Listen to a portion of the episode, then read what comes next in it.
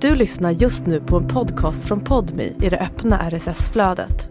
För att få tillgång till Podmis alla premiumpoddar helt utan reklam, prova Podmi Premium kostnadsfritt. Ladda ner appen i App Store eller Google Play. Jag önskar i allt i världen att jag hade kört därifrån. Hade jag kört därifrån så hade mina alla tre barn levt idag. Men jag som är perfektionist i grund och botten har över nästa dåliga egenskap i det här läget. Jag eh, lägger servetter innanför dörren, tänder på. Att en sån fruktansvärd händelse kan kännas så rätt, det är för mig helt galet liksom. Helt galet.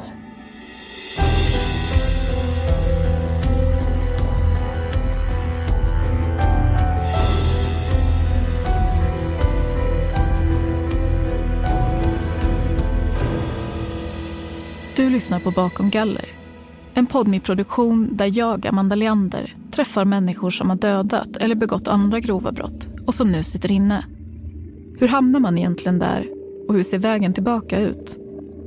Jag vill passa på att varna för känsligt innehåll i det här avsnittet.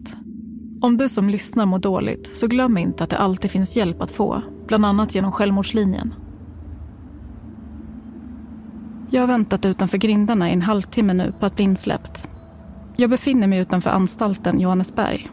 Det är en klass 2-anstalt i den lilla sjöstaden Mariestad som ligger precis vid Vänern.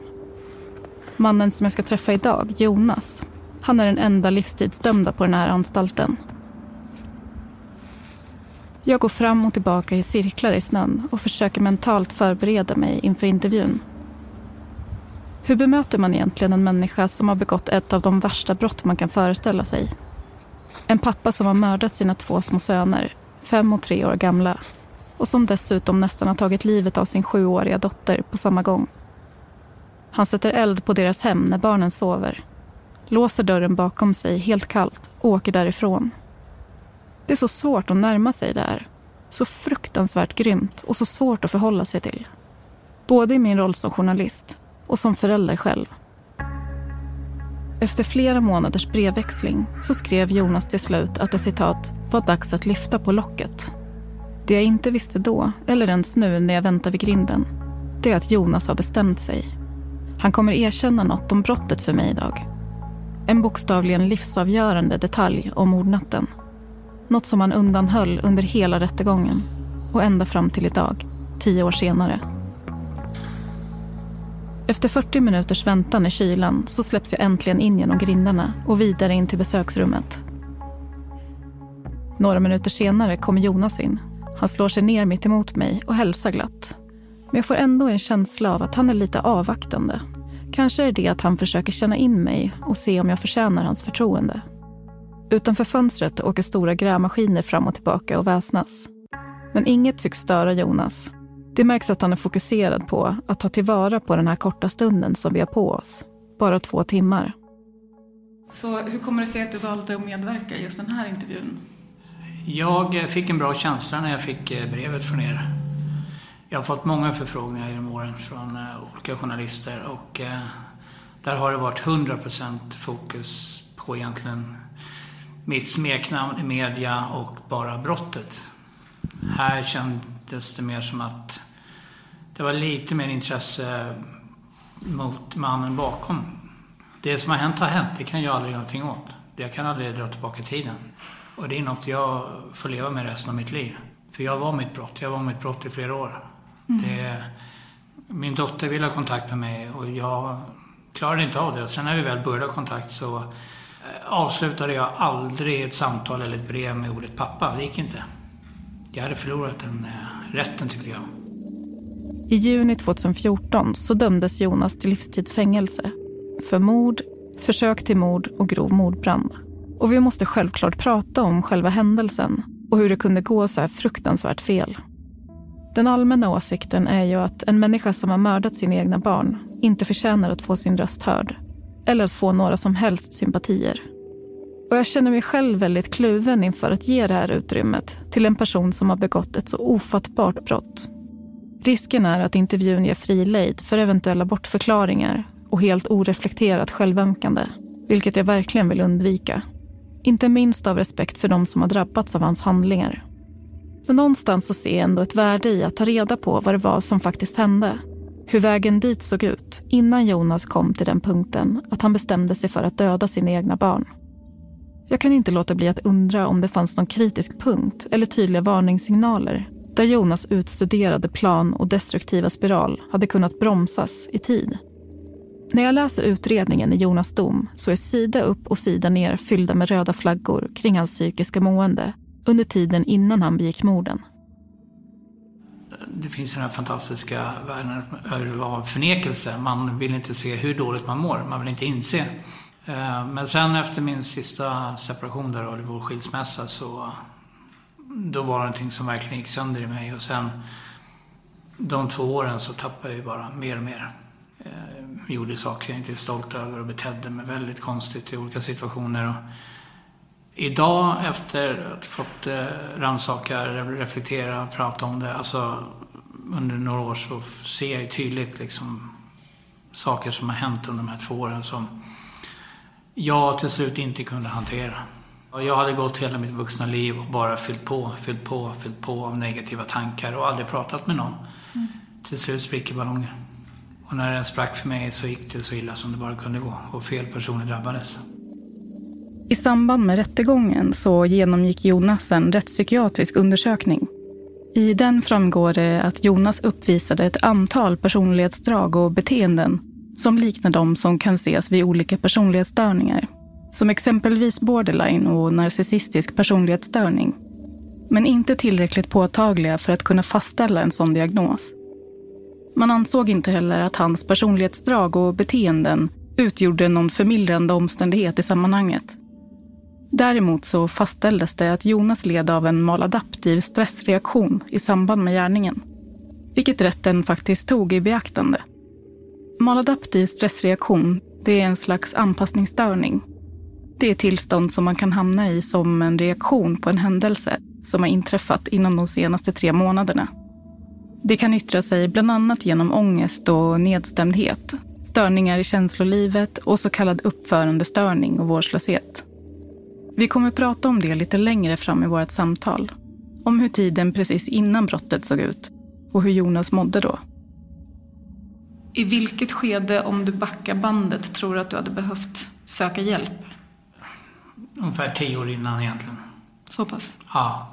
Jag har ju växt upp utan min pappa och eh, ungefär åtta, nio år innan där så gick han bort efter att jag försökt få kontakt med honom i många år. Och där har jag förstått att där började liksom sakta men säkert raset liksom. Innan fanns det en saknad, en tomhet, men då kom ju liksom ledsamhet, frustration och andra saker in. Och eh, där skulle jag ha sökt hjälp, tycker jag. Vad var det som hindrade dig från att göra det? Feghet kanske. Även haft en uppväxt där man ska klara sig själv. Ensam är stark. Det är en svaghet att söka hjälp. Ja, men allt ansvar ligger hos mig. Jo, till syvende och sist. Mm, nej, men så är det. det. Jag fick ett samtal en gång av min moster runt den tiden där hon faktiskt bad mig att söka psykologhjälp. Eh, jag tog det inte på allvar och det är jag ju väldigt arg på mig själv idag för att jag inte gjorde. Men hon, hon såg igenom någonting. Jag hade närmare, närmare kontakt med min moster än vad jag hade med min egen mamma. Okej, även under uppväxten? Ja. Eller? ja. Aha. Jonas berättar att han bodde tillsammans med sin mamma under uppväxten. Han upplevde det som att hon inte var lika emotionellt närvarande som hans moster. Det är viktigt att komma ihåg att det som Jonas beskriver nu, det är hans egen version av vad som hände under uppväxten. Jag minns inte ens när jag fick en kram av min mamma. När jag var liten, jag, jag var ganska busig hemma eh, och eh, fick väldigt ofta en, en, hand som eh, tog tag i örat och sen så sa min mamma Gå in på rummet och så stannar du där tills du är snäll. Det var aldrig en förklaring till vad jag hade gjort. Och jag satt då på rummet sen och undrade, men när är man snäll då? Hur lång tid tar det innan jag är snäll? Och eh, jag kan inte räkna på båda mina fingrar hur många gånger som jag sen gick ut för att jag var kissnödig på kvällen och då har mamma gått och lagt sig och släckt överallt så jag fick gå i mörkret och på toaletten liksom. Så att det var, det var lite tufft men ja. I vuxen ålder bestämmer sig Jonas till slut för att bryta med sin mamma. Men hoppas ändå att hon själv ska söka upp honom igen. Men enligt honom så hör hon aldrig av sig på eget initiativ.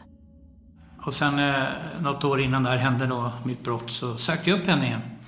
Och då trodde jag självklart att hon kanske skulle då, då våga öppna upp, prata lite, fråga varför jag bröt kontakten och så. Inte ett ord. Enligt henne skulle vi bara lägga locket på och köra på som ingenting hade hänt. Trots att vi inte hade pratat med varandra på tio år.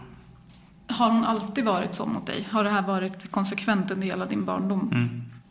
Jag har ju två syskon som jag har växt upp med kan man säga. Min stora syster bodde hos min moster. För att hon och mamma gick inte ihop. Jag vet inte vad som har hänt exakt men jag, jag fick ju veta typ när jag var 5-6 år att jag hade en syster. För jag förstod inte att hon var min syster först. För hon bodde hos min moster. Du trodde att ni var kusiner alltså? Ja, så då gick det upp för mig att jaha, det är min syster. Men vad konstig den här familjekonstellationen är. Men jag vågade inte säga något. Liksom jag bara accepterade det. Så din pappa har verkligen aldrig varit med i bilden någonsin? Nej. Jag eh, sökte upp honom första gången när jag gick i eh, högstadiet. Och eh, vi skulle träffas i ett köpcentrum norr om Stockholm, Täby. Täby centrum. Och eh, han var där. Men i, jag fick sen ett brev att i och med att jag var där själv och min mamma inte var med så vågade inte han gå fram. Men han hade suttit då ungefär 10 meter framför mig på en bänk. Men eftersom jag inte visste hur han såg ut så visste inte jag att det var han. Så jag satt där i en timme och stirrade på min pappa utan att veta att det var min pappa. Sen i gymnasiet så märkte min lärare att jag inte mådde bra så att hon... Jag hade ju pratat med henne om min historia så att eh, då bestämde hon ett nytt möte och då åkte vi ut till min pappa men då lyckades han boka in ett arbetspass samtidigt så han var inte hemma. Då får jag träffa två yngre bröder som jag inte visste om fanns. Fick lite bilder på min pappa och så. Men eh, det misslyckandet gjorde ju att jag gav upp liksom, där och då. Jag orkade inte. Så att det tog många år sedan, ända tills jag var 31-32 innan jag tog kontakt igen eller försökte. Vid det nya kontaktförsöket visade det sig att Jonas dessutom har två äldre syskon och en farfar också, som inte visste om att Jonas fanns. Jonas pappa och farfar ska tydligen också ha brutit kontakten med varandra sedan 20 år tillbaka. Plötsligt har han en väldigt stor, men samtidigt splittrad familj. Den röda tråden blir allt mer tydlig för mig här när Jonas berättar om sin familj. Brutna kontakter och familjehemligheter som man helst inte pratar om. Alltid locket på. Men det blev alltså så att du aldrig... Head over to Hulu this March where our new shows and movies will keep you streaming all month long. Catch the award-winning movie Poor Things starring Emma Stone, Mark Ruffalo, and Willem Dafoe. Check out the new documentary Freaknik: The Wildest Party Never Told about the iconic Atlanta Street Party. And don't miss FX's Shogun, a reimagining of the epic tale starring Anna Sawai. So, what are you waiting for? Go stream something new on Hulu. Hey, I'm Ryan Reynolds. Recently, I asked Mint Mobile's legal team if big wireless companies are allowed to raise prices due to inflation. They said yes. And then when I asked if raising prices technically violates those onerous two year contracts, they said, What the f are you talking about, you insane Hollywood ass? So to recap, we're cutting the price of Mint Unlimited from $30 a month to just $15 a month. Give it a try at mintmobile.com slash switch. $45 upfront for three months plus taxes and fees. Promo for new customers for limited time. Unlimited more than 40 gigabytes per month. Slows. Full terms at mintmobile.com. Jag träffade din pappa, eller? Jag har träffat min pappa. Du har det? Okej. Men jag har aldrig pratat med honom. Det, det var, ja, det kan ta lite kort. Jag, jag bestämde mig en dag att nej, nu får det vara nog. Jag hade fått reda på var han bodde. Det är Oxberga centrum norr om Stockholm. Jag åker dit ut, eh, sitter utanför hans lägenhet, klarar inte av att gå in, men jag sitter kvar, skriver en lapp och då kommer han ut med sin sambo. De åker till centrum, jag följer efter, eh, tappar bort dem igen och så tänker jag, nej, men jag, jag går till Ica och köper en dricka och så. Jag har ändå varit här, jag har tagit steg ett liksom. Bra liksom. Inne på Ica så går jag runt en sån här varuhylla som är typ, som brukar vara en och en halv, två meter höga. Där, en och en halv meter framför mig, står min pappa.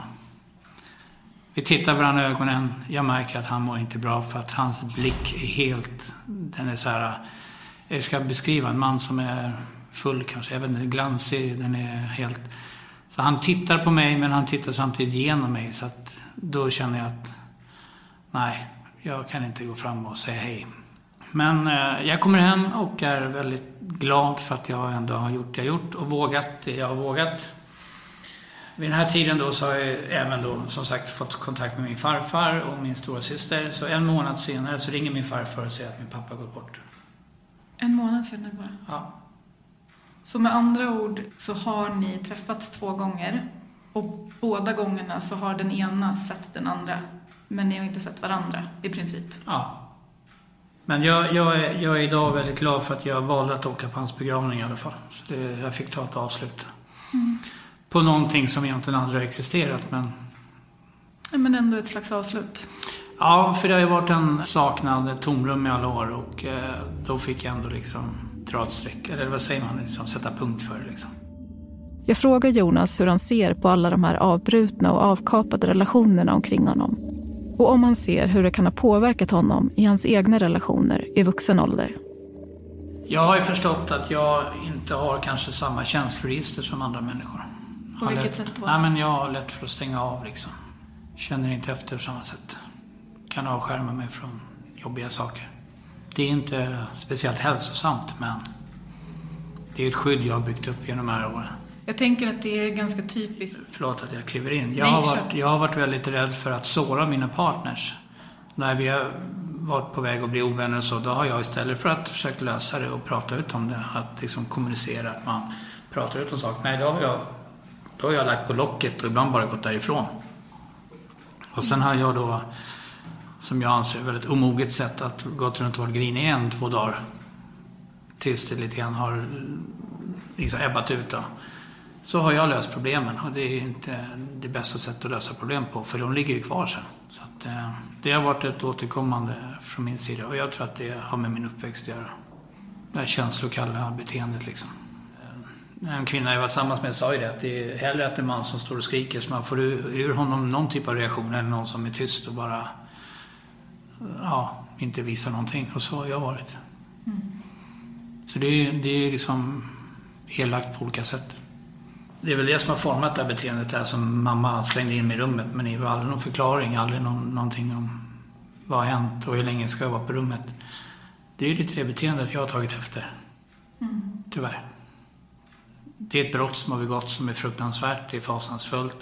Men jag kan inte göra någonting åt det. Det jag kan göra är att jobba med mig själv och försöka, de kontakter jag har, de sociala relationer jag har och får framöver förhoppningsvis, göra det så bra som möjligt. Det, det ligger på mig. Mm. För jag fick, jag fick bara för några veckor sedan en fråga från en brevvän. Där frågan var om vi skulle träffas, skulle du mörda mig då också? Och den, den var rätt tuff att få rakt i ansiktet liksom. Eh, nej, det skulle jag inte göra liksom. För att eh, så som jag mådde där och då, det, dit ska inte jag igen. Och det är det jag jobbar för varje dag. Jonas är snart inne på sitt tionde år på anstalt. Redan från början ansåg kriminalvården att det var viktigt att Jonas hade en psykologkontakt. Han placerades i ett behandlingsprogram som heter relationsvåldsprogrammet. Där fick han gå och prata en gång i veckan i ett års tid. Hur har du upplevt det? Usch, det var tufft. Ja, men det var mycket gräva och utmana. Men det... För mig var det väldigt givande. Och är det utmanande så är det bra. Det är då man eh, liksom lär sig någonting. Mm. Har du haft någon psykologkontakt efter det? Ja, eh, jag har även haft på den här anstalten en kort period. Men nu har de tagit bort psykologen här så att eh, det är ont om psykologer inom kriminalvården. Så att nu försöker jag väl... Eh, det finns intagna på min avdelning där jag sitter som, som jag kan eh, utmanas lite av. Så det tycker jag är bra. Så alltså andra intagna? Då? Ja, ja. På vilket sätt då? Nej, men jag, jag är öppen med att eh, jag vill ha hjälp med beteenden hur jag uppträder och sådär. Så att märker du någonting, säg till. Så pratar vi om det. Så att jag kan ta lärdom av det. Och det är, de år jag har suttit så egentligen den bästa vården jag har fått det är från andra intagna. Mm. Det blir en... Eh, jag har suttit med ganska uppmärksammade män med ganska uppmärksammade brott och det och eh, det blir en viss kamratskap. Man har förståelse för varandra, att folk, att man mår dåligt liksom. Det blir en, det blir en ja, stöttning. Nu har inte jag innan den här anstalten varit relationsbrottsplacerad. Utan jag har ju varit eh, skyddsplacerad eftersom mitt brott är så allvarligt.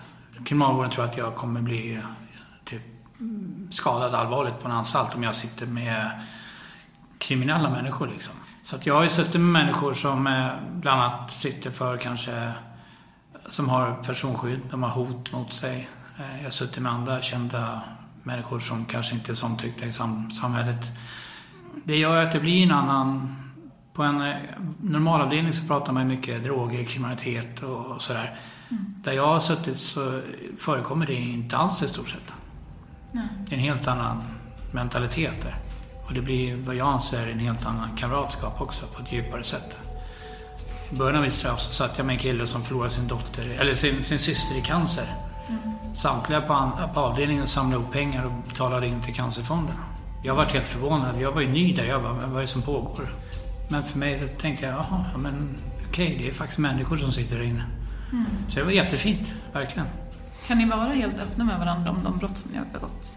Nej, det pratas inte speciellt mycket om det egentligen, men eh, blir man bra vänner så kan det pratas väldigt mycket om det inne på våra rum liksom.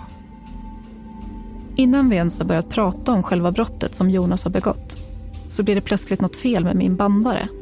Den lägger av helt och det finns ingen backup. Och det är knappt en timme kvar av besökstiden som har tagit mig nästan ett halvår att få till. Min absolut sista utväg är att böna och be personalen om att få hämta min laptop och spela in ljudet med den istället. Vilket de faktiskt går med på till slut. Det hade jag aldrig någonsin fått göra på en högriskanstalt. Men nu kan vi alltså äntligen plocka upp intervjun igen. Jag har en känsla av att han närmar sig att glänta på det där locket och berätta vad som faktiskt hände den där natten. Vi är på väg dit. Nej, men för vi var ju inne på att prata lite om hur du har det på anstalten. Framförallt så vad jag har haft för verksamhet tror jag du pratar om. Sysselsättning. Ja, precis. Nu är jag på motivförpackning då, där vi sitter och om du går till Systembolaget och köper en låda cider kan vi säga, jag vet inte exakt vad det är, men, och så köper du en hel, hel låda som är 12 stycken. Mm. Själva inredningen i den lådan, de här väggarna som gör så att flaskorna inte slår i varandra. Ja, det. det. finns ju som avskärmning. Mm. De sitter vi och sätter ihop. Men återigen, det är anstalt. Man får vara glad att det finns något att göra. Visst är det, ni har typ runt 13 kronor i timmen eller? Ja. Mm. Uh, nej, det är lite knäckande nu då när de höjde frimärke från 13 till 15. Så nu har vi inte ens råd med frimärke för en timmes jobb. Så jag köpte 80 frimärken innan jul. Jonas berättar att han bunkrade upp med frimärken för att kunna hålla kontakt med sina brevvänner. Jag har brevvänner på anstalt men jag tänkte det kanske kan vara övergivande för mig att få skriva med någon på utsidan. Mm. I min fortsatta liksom, utveckling och arbete. Hur länge har ni brevväxlat? Nej men det var sedan i, i höstas. Det är bara, det är ganska nyligen. Mm. Så innan har jag haft brevvänner på anstalter. Men eh, visste du någonting om de här personerna sedan innan? Nej. Ingenting? Helt främmande människor. För mig är det värt väldigt mycket som jag har förlorat all kontakt på utseende i stort sett. Mm. Jag har min dotter liksom. Som jag nämnde i början av vår intervju att jag har varit väldigt instängd tidigare. Jag har aldrig pratat egentligen. Uh, och det är något jag vill uh, utmana mig själv med att våga öppna upp. Och vad är mer läskigt än att göra för en vild främmande människa liksom. Våga mm. prata och berätta om sig själv liksom. Så att, eh, ja. Har du kunnat vara öppen med de som brevväxlar med? Liksom, vågar du sänka den garden? Ja, helt, mm. helt öppet. Ja, men det, jag känner att det måste vara så. Jag försöker verkligen hitta ett sätt att komma in på den faktiska anledningen till varför Jonas sitter inne här. Men det känns som att det inte finns någon rimlig öppning. Det är för känsligt för att bara kasta sig in i. Och någonstans så kanske jag drar mig lite för det också. Men så uppstår tillfället helt av sig självt. Jag gör alltså misstaget här att fråga vad som händer med ens bostad och alla ens tillhörigheter i samband med att man ska börja avtjäna ett livstidsstraff och sitta inlåst på obestämd tid. Min bostad fanns inte längre. Jag ägde eh, ingenting. Jag vill varna här nu för att det som följer är väldigt svårt att lyssna på. Det är nu som Jonas väljer att berätta om mordbranden och vad som hände den natten när han valde att ta sina barns liv. Jag har så svårt att värja mig från känslorna som uppstår när Jonas berättar i detalj om hur han gick tillväga och vad han tänkte under tiden. Hur kunde han egentligen begå det här oerhört grymma brottet? Någonstans så vill jag ändå försöka förstå det. Det har ju kommit upp i samtalet tidigare om hur Jonas verkade ha väldigt svårt att närma sig och hantera svåra känslor. Att han bara stängde av när det blev för mycket. Jag får nästan uppfattningen att han ibland var oförmögen att känna någonting alls. och att han agerade helt känslokallt på ett nästan mekaniskt sätt när han väl hade bestämt sig för att mörda sina egna barn. Så när du lämnade huset, då visste du också att det, då var det verkligen ingenting kvar på Nej, alla sätt? men jag skulle ju ta livet av mig. Var du helt inställd på att det var det du skulle göra? Mm. Mm. Vid den här tiden, när mordbranden sker, så är Jonas separerad från sin exfru sedan nästan två år tillbaka.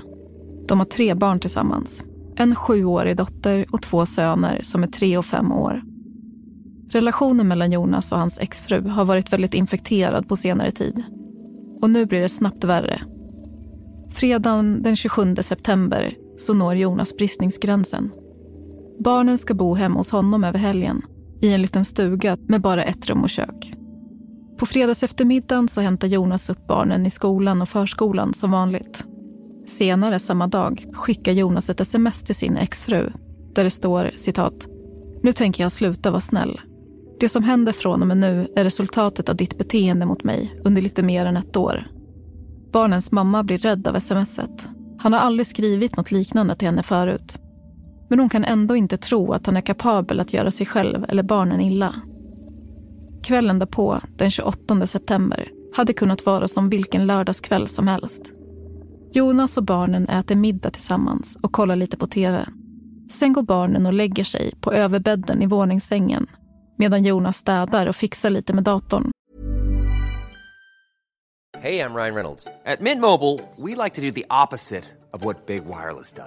De laddar dig mycket we charge you a little. So naturally, when they announced they'd be raising their prices due to inflation, we decided to deflate our prices due to not hating you. That's right. We're cutting the price of Mint Unlimited from $30 a month to just $15 a month. Give it a try at mintmobile.com slash switch. $45 upfront for three months plus taxes and fees. Promo for new customers for limited time. Unlimited more than 40 gigabytes per month. Slows. Full terms at mintmobile.com. Några timmar senare vaknar hans sjuåriga dotter av att det är varmt i rummet och luktar konstigt. Hon ser inte sin pappa någonstans och stegen till den höga sängen är borttagen. Hon lyckas klättra ner ganska snabbt men hennes bröder är för små för att ta sig ner själva. Alla tre barn skriker efter sin pappa men han är inte där och hans bil är också borta. Till slut får dottern upp ytterdörren och springer över till grannen för att få hjälp. Det är bråttom nu. Vid det här laget har det redan börjat slå upp eldslågor över dörren. När grannen kommer ut på gården och möter dottern så hör hon barnskrik och gråt inifrån stugan. Hon konstaterar snabbt att det brinner för mycket för att hon ska kunna ta sig in själv och springer in i sitt hus för att hämta en brandsläckare. När de kommer ut igen så visar det sig att brandsläckaren inte fungerar. Och nu hörs inga barnskrik längre. När brandkåren väl är på plats så är hela stugan övertänd. Jonas dotter har klarat sig, men hennes två småbröder dör i branden. Själv sitter Jonas i sin bil på väg bort därifrån med siktet inställt på att ta livet av sig. Samtidigt har barnens mamma fått ett sms av Jonas där det står Hämnden är ljuv, din jävla idiot.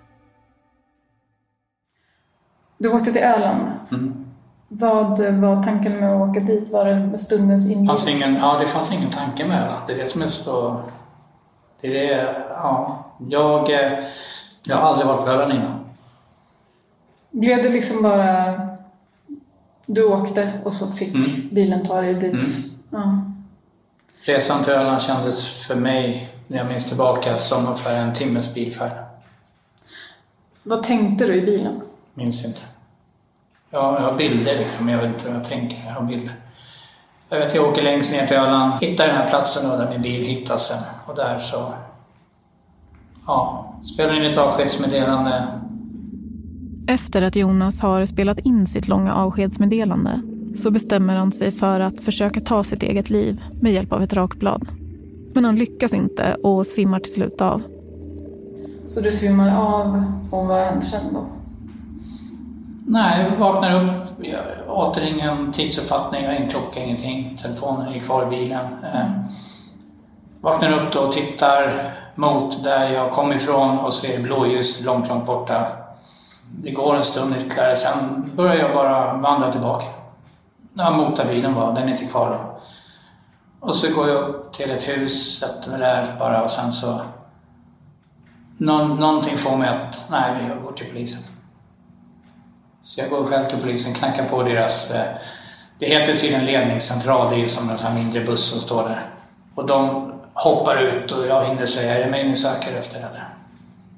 Så först så höll du dig undan från dem och sen så gick du till dem? Höll mig undan? Ja, jag ville ta mitt liv. Jag hade ingen tanke på att de skulle vara där. Jag, idag vet jag varför de var där. Jag loggade in på telefonen för att se att jag var utraderad från Facebook. Att alla mina spår var borta. Okay. Och det är klart de hade hittat min telefon på masten då. Mm. De visste att jag fanns i närområdet troligtvis då, ja. Vad rör det sig om för tidsaspekt? Vet du hur länge du var där på Öland? Jag har någon uppfattning någonstans om att jag kom mig till känna hos polisen någon gång tidigt, tidigt på måndag morgon. Så det är i alla fall ett dygn som jag befinner mig på Öland. Och jag kommer till känna då ja, fem, fyra, fem på morgonen ett dygn senare. Jag kommer inte exakt ihåg men efter att jag hade parkerat på den här platsen och eh, började spela in mitt avskedsmeddelande på telefonen. Mm. Därifrån minns jag allt jag gjort. Okej. Okay. Mm. Vem var avskedsfilmen till? Det var ju flera personer som nämndes dig så jag vet inte. Det var nog mitt sätt att eh, äntligen prata liksom. Mm. Den spelades upp i rättegången. Jag tittade inte men jag hörde, jag hörde ju vad jag sa. Avskedsfilmen som Jonas spelade in medan han satt i bilen är över 50 minuter lång.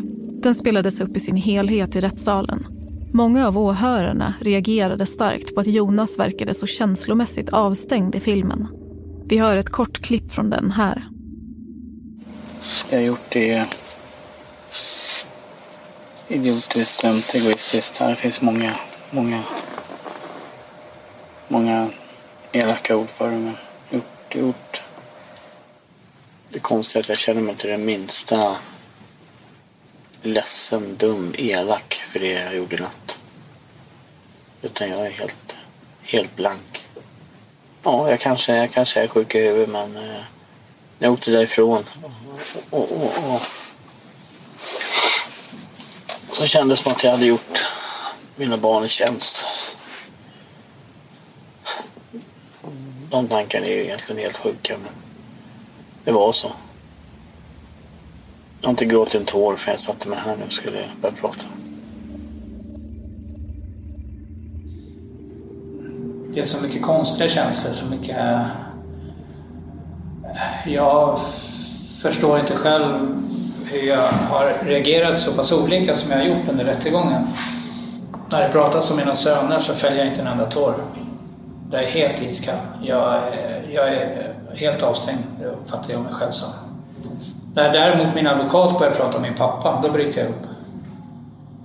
Jag har egentligen, under de här nio åren så har jag egentligen bara vid ett enda tillfälle, tillfälle gråtit ordentligt över det jag har gjort. Alltså, visst är det riktat mot brottet och mina söner. Det var när jag fick ett brev när jag satt på rättspsyk när det stod att jag inte behövde betala underhåll längre. Då bröt jag ihop och föll ihop på golvet och grät. Nej, det, det, jag, blir bara, jag blir bara arg när jag tänker på det. Däremot kan jag idag gråta till filmer som jag aldrig gråtit till innan. Och det har ju folk sagt att det kan vara mitt sätt att ventilera. Jag tycker inte att jag är värd att, att gråta över mina söner för att jag förtjänar inte det. Men orkar du prata någonting om tiden precis innan det här skedde? Ja, hur nära in på menar du då? Så nära du Klara? Eh, jag tror att det är augusti. Jag och min dotter har vid den här tiden inte så jättebra kontakt, min äldsta dotter. Mm. Hennes eh, mamma ringer mitt ex och säger att jag måste kontakta henne för det har hänt någonting allvarligt. Jag klarar inte av det, jag mår för dåligt. Eh, något, när hon ringer mitt ex, de har inte jättebra kontakt, men jag förstår att när de har kontakt, då är det något allvarligt. Men jag klarar inte av att hantera det. Jag, återigen, jag stänger av. Jag tar avstånd. Jag avskärmar mig liksom. Idag vet jag vad som hände och jag, ja, usch, ja. Så det var något allvarligt som hade hänt? Det var väldigt allvarligt. Och jag ställer inte upp och finns där som en pappa bör göra liksom. Där följer jag liksom ordentligt. Då, Då kände jag att det finns ingen mening längre. Så att då började tankarna verkligen landa i att skit i det här liksom. Sen att det blev den här helgen det blev, att jag skulle ta mitt liv, det var för att mitt hyreskontrakt gick ut den helgen. På det huset alltså? Ja. Okej. Och du hade ingenstans att ta vägen, eller? Nej, en madrass i ett rum på min firma i så fall. Men jag hade ju jag hade under ett halvår där tappat intresse för företaget. Jag, jag gjorde det som verkligen måste göras, men ingenting extra. Liksom. Det gick sakta men säkert utför. Liksom. Mm. Försökte hålla fasaden uppe så att ingen skulle märka. Jag vill inte, vill inte blanda in andra människor i den här intervjun för mycket.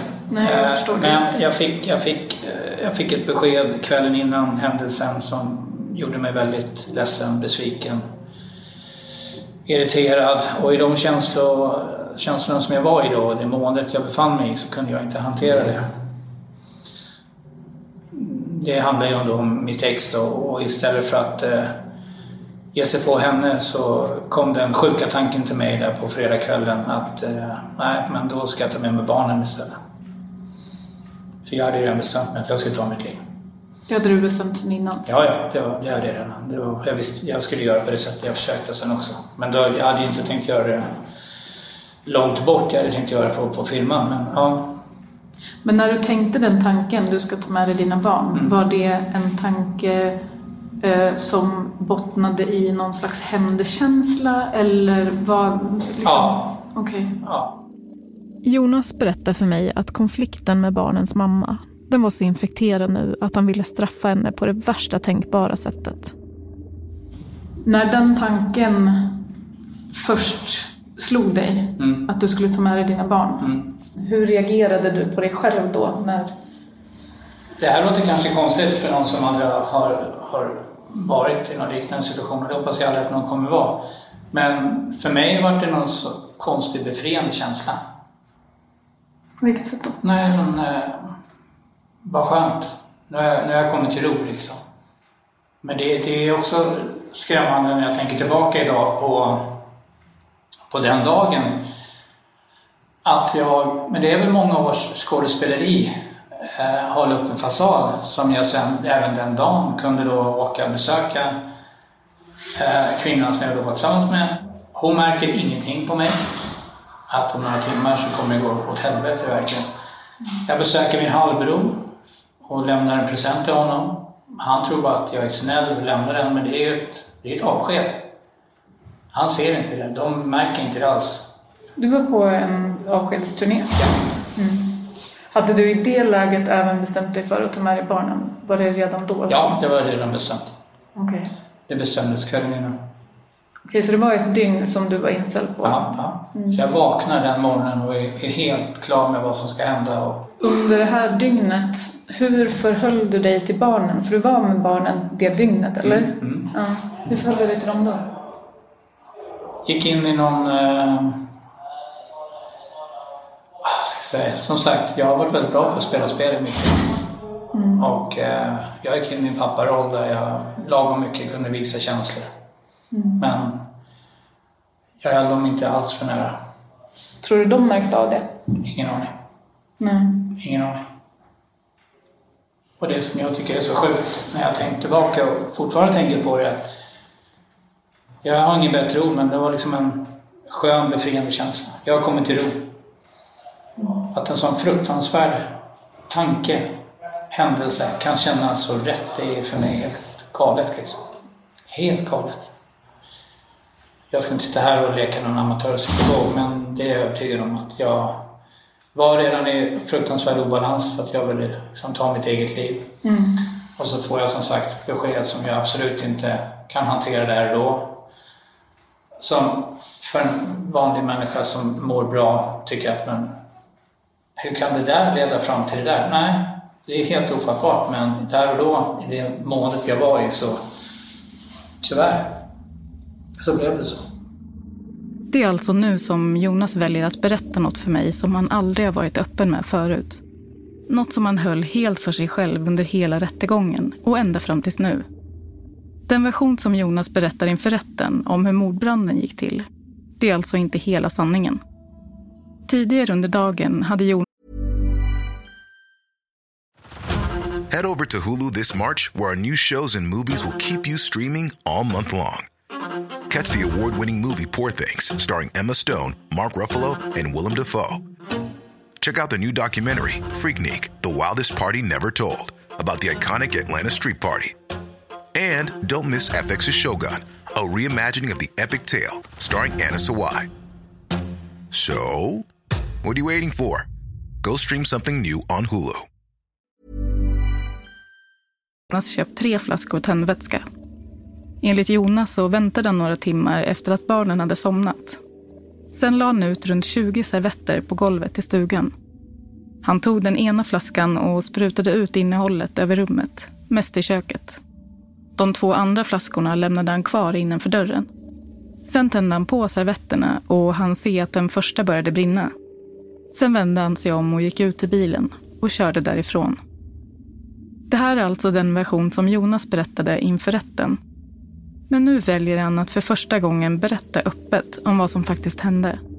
Och det är nästan ofattbart svårt att ta in.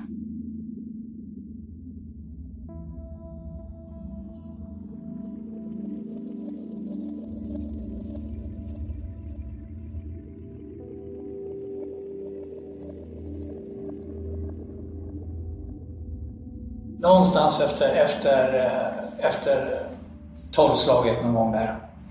Någonstans efter det så började jag plocka ihop, städa. Stängde ner Facebook. Alla, alla spår efter mig skulle raderas ut liksom.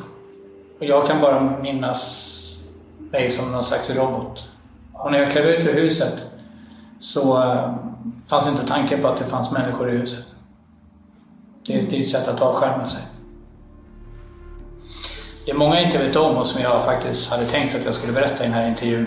Så det blir ju den första utanför den innersta kretsen som får höra det här. Det är att jag tände på huset två gånger. Två gånger? Ja. I vilket skede?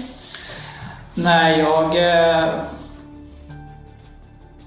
lägger servetter innanför dörren, tänder på, går ut från huset, går till bilen, kör därifrån, kör ut från tomten till höger som jag sagt i rättegången. Men jag som är perfektionist i grund och botten har över nästa dåliga egenskap i det här läget. Jag önskar allt i världen att jag hade kört därifrån. För det togs inte.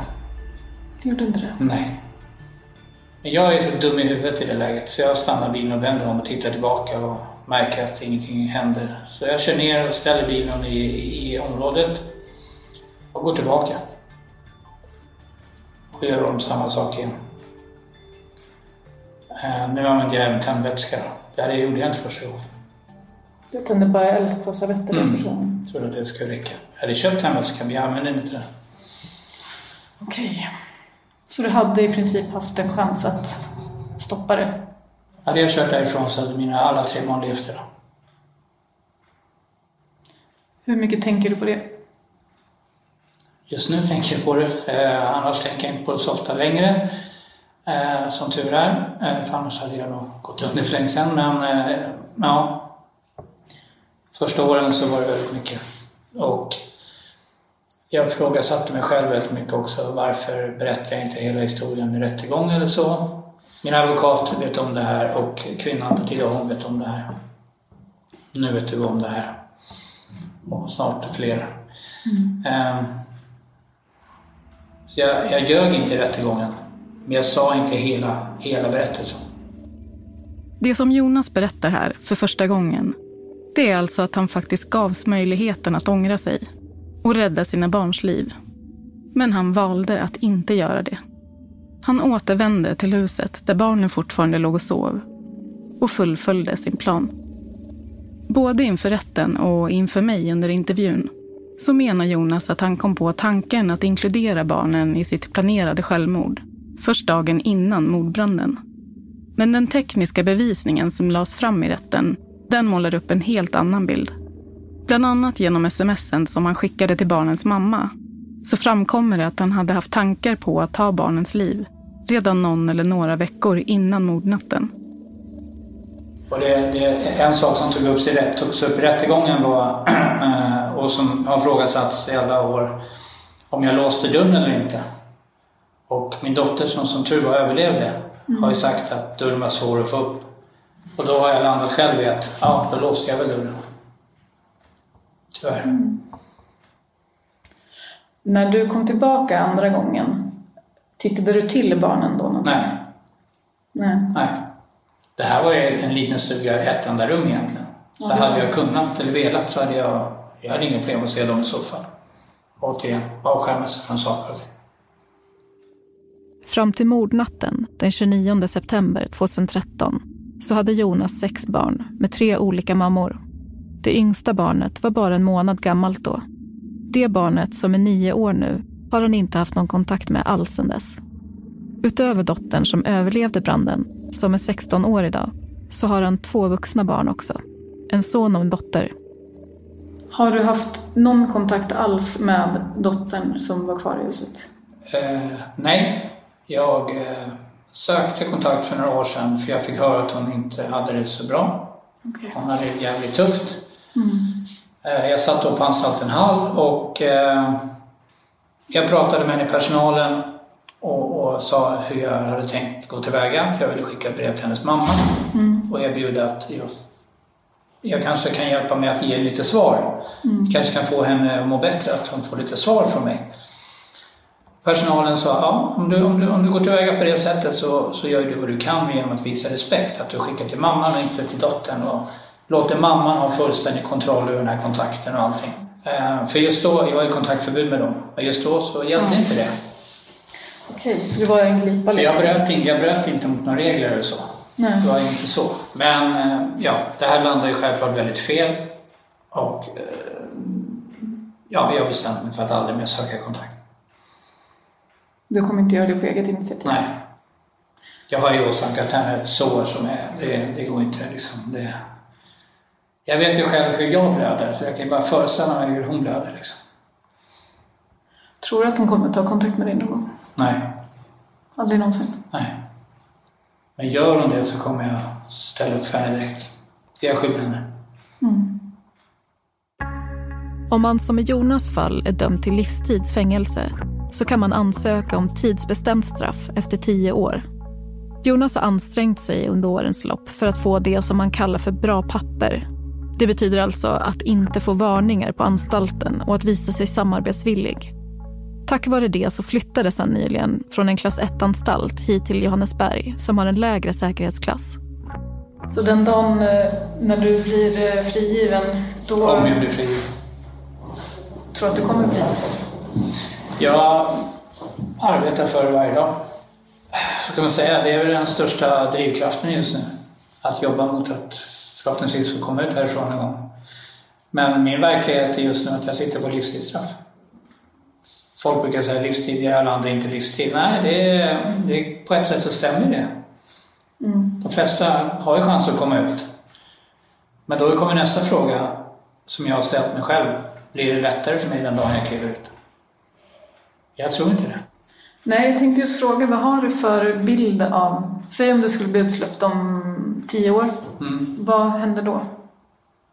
Ingen aning. Ehm, min förhoppning då är att jag någonstans hittar, kan få bo i en liten lägenhet, kanske kan få något jobb, jobba halvtid, någonting och bara få vara lugn. Har jag väldigt tur så har jag fortfarande kontakt med min dotter, äldsta dotter. Men eh, ja, det som vi, många här inne, vi pratar mycket om det här med att ja, man har chans att komma ut, men jag menar, bara för att den dagen jag kliver ut så försvinner inte det som jag har gjort. Nej. Så att ett livstidsstraff för mig är fortfarande inte ett livstidsstraff. Som sagt, här inne så bor jag med folk som kan förstå mig och som sitter i liknande situationer. När jag kommer ut i samhället så, ja, kommer samhället tycka att jag förtjänar en andra chans? Det är frågan.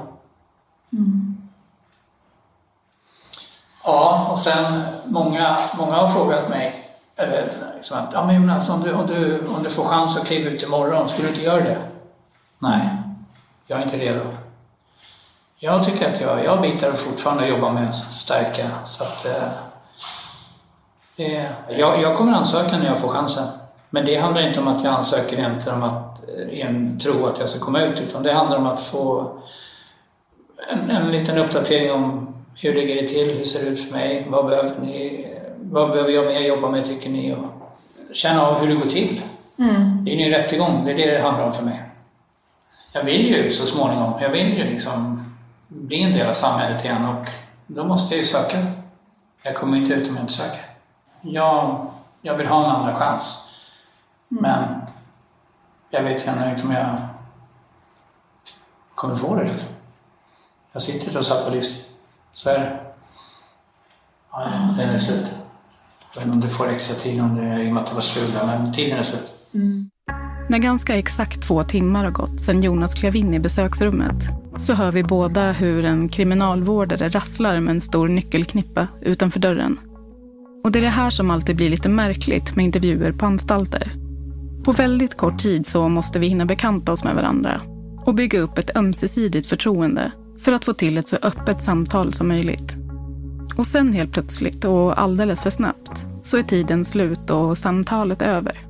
Ofta hinner man knappt avrunda ordentligt förrän den intagna förs ut ur besöksrummet med bara ett snabbt hejdå i dörren. Är det något, vi kommer förmodligen inte få med, är det någonting som du vill tillägga nu? Nej. Jag har sagt det som jag kände att jag ville säga. När Jonas och jag skiljs åt så tycker jag mig ana någon slags lättnad och lugn i honom som inte fanns där i början av intervjun. Och det intrycket lämnar lite dubbla känslor i mig. En grundpremiss för att intervjun skulle kunna genomföras var att Jonas skulle vara helt uppriktig mot mig och stå för sina handlingar. Samtidigt är jag medveten om att den grymma sanningen som Jonas avslöjade i vårt samtal river upp gamla svårläkta sår och skapar nya. I arbetet med den här intervjun så har jag varit i kontakt med Jonas anhöriga och gett dem möjlighet att komma med synpunkter och berätta om sina känslor kring allt det här svåra som dras upp nu.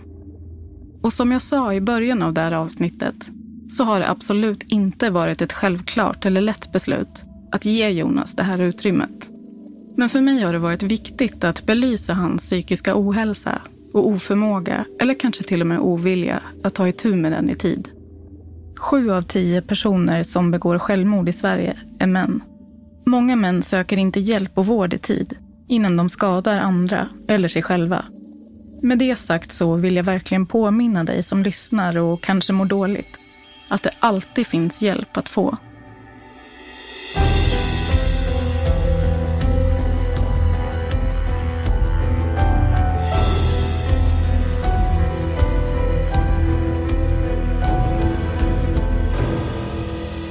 Du har lyssnat på Bakom galler, en podmi produktion av Tredje Statsmakten Media. Producent Hanna Engberg, slutmix Elin Rosenberg och jag heter Amanda Leander. Exekutiv producent hos Podmi är Sofia Neves.